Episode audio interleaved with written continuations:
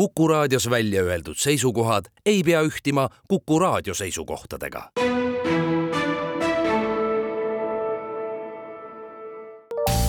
terviseks. saade valmib koostöös Ida-Tallinna Keskhaiglaga. vaata ka itk.ee tere, head Kuku kuulajad, eetris on saade Terviseks ja kui me eilses saates rääkisime helikobakter püülarist, siis tänasel teemal jätkame. mina olen Ingela Virkus ja koos minuga on stuudios Ida-Tallinna Keskhaigla gastroenteroloog Toomas Zimmerer, tere! tere!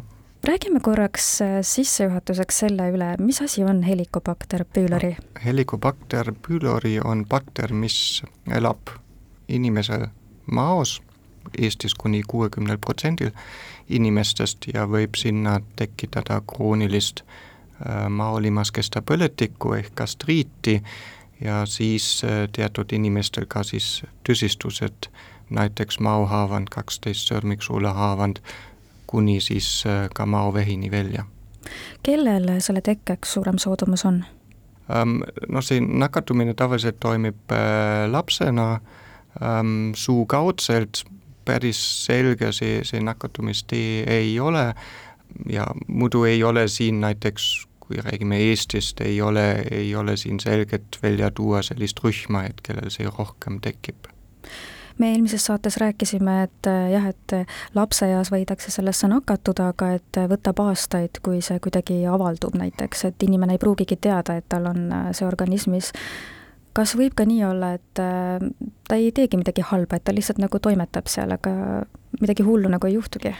ja no elu jooksul uuringud näitavad, saavad ikka kuskil üheksakümmend kuni sada protsenti inimestest aastakümnete jooksul kroonilist maolimaskesta põletikku, aga ka seal on erinevad vormid ja seda raskema vormi siis koos ka äh, maovähi riskiga, ähm, see on see atroofiline gastriit kus läheb siis selline kaskaad lahti, mis võib siis tõesti lõppeda maovehiga, et sellesse ähm, haigestuvad siis ain-, ainult kuskil nelikümmend protsenti patsientidest selle helikobakter infektsiooniga, et kuuskümmend protsenti saavad küll võib-olla kroonilist maolimaskesta põletikku, mis aga iseenesest ei ole mingi raske või tõsine haigus.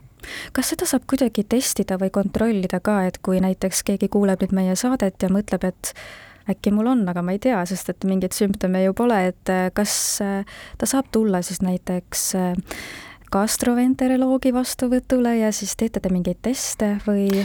no üldjuhul on niimoodi, et hetkel ei ole mingit näidustust kaebuste vaba inimesel helikobakterit otsida ja, ja ravida.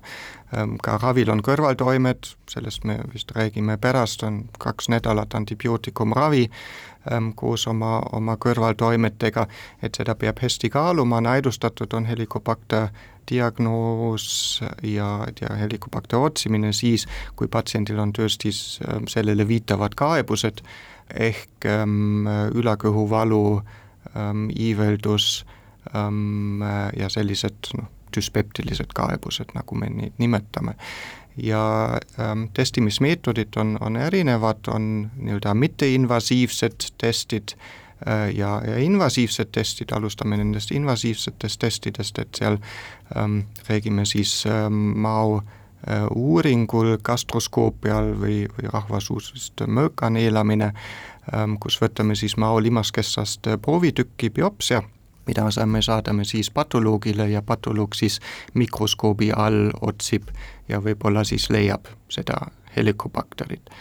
Ehm, teised võimalused, mida saab näiteks ka perearst eh, teha, kui patsient pöördub tema poole selliste kaebustega, on ruujatest, et saab väljaheite analüüsis määrata siis seda helikobakterit ja nüüd on eelmisest aastast alates olemas ähm, näiteks Lääne-Tallinna Keskhaiglas üks hingamistest mille abil saab siis helikobakterit tuvastada. see vist on jah see, et hingad lihtsalt oma hingeauru ja siis jaa, et seal peab, peab nagu äh, jooma lahust ähm, ja siis, äh, siis mõni aja pärast, täpselt neid minutit ei tea, aga peab sellise kotti sisse hingama, aparaat võtab seda hingamisõhku, analüüsib seda ja, ja selle abil saab siis helikobakterit tuvastada mis siis edasi saab, kui inimese organismis leitaksegi see helikobakter, et kas seda saab välja ravida või jääb ta kuidagi nagu ikkagi inimese organismi, aga siis pärast, kui kuidagi ikkagi avaldub, et noh, et ühesõnaga, et ravitakse siis pigem seda probleemi, mille ta on juba põhjustanud, aga et ta jääb kuidagi nagu krooniliseks?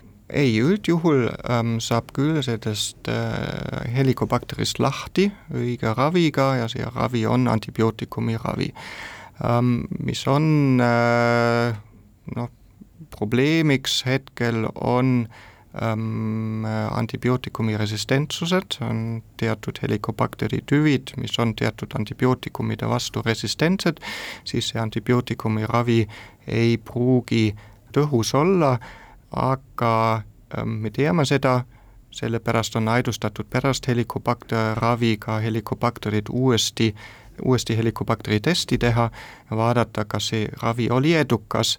tavaliselt on see edukas kuskil kaheksakümnel kuni üheksakümnel protsendil patsientidest.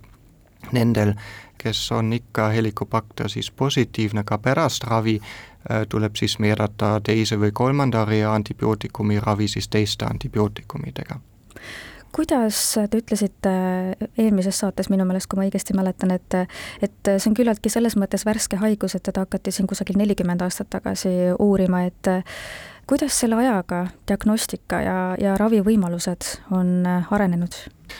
ma ei ole päris kindel, kuidas seda tookord tehti, ma arvan küll, et seda tehti üks nendest kolleegidest, kes seda tuvastas, oli patoloog, et äh, tuvastati maabiopsial ilmselt.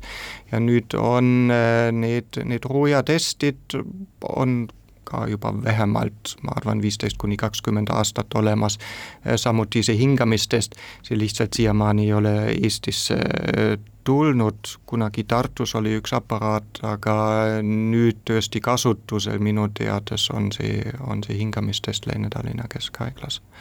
ja mis puudutab ravi, ähm, eks kuna see on bakter, siis juba tookord hakati kasutama siis antibiootikume kindlasti võttis mõni aeg, et seda õiget nii-öelda raviskeemi leida ja helikobakter kahjuks on natuke keeruline ravida, on vajalik vähemalt kaks antibiootikumi, erinevat antibiootikumi ähm, ja, ja ravikestvus üldjuhul on kümme kuni neliteist päeva.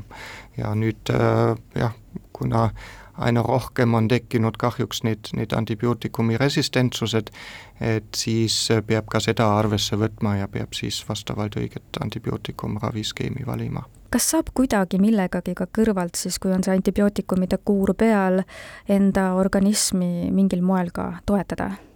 ja et no, mida tegelikult uuringud näitavad ähm, ja, ja mida meie ka soovitame, on see, et saab ühe teatud probiootikumiga kõrvaltoimete risk oluliselt vähendada, loomulikult need antibiootikumid hävitavad ka siis jämesoole mikrofloorad ja siis on tihti patsientidel näiteks kõhulahtisus, kõhugaasid.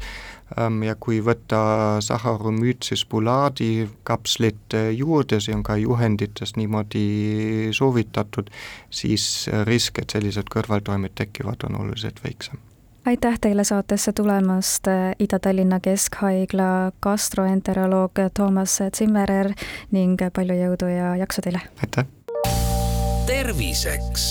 saade valmib koostöös Ida-Tallinna Keskhaiglaga. vaata ka itk.ee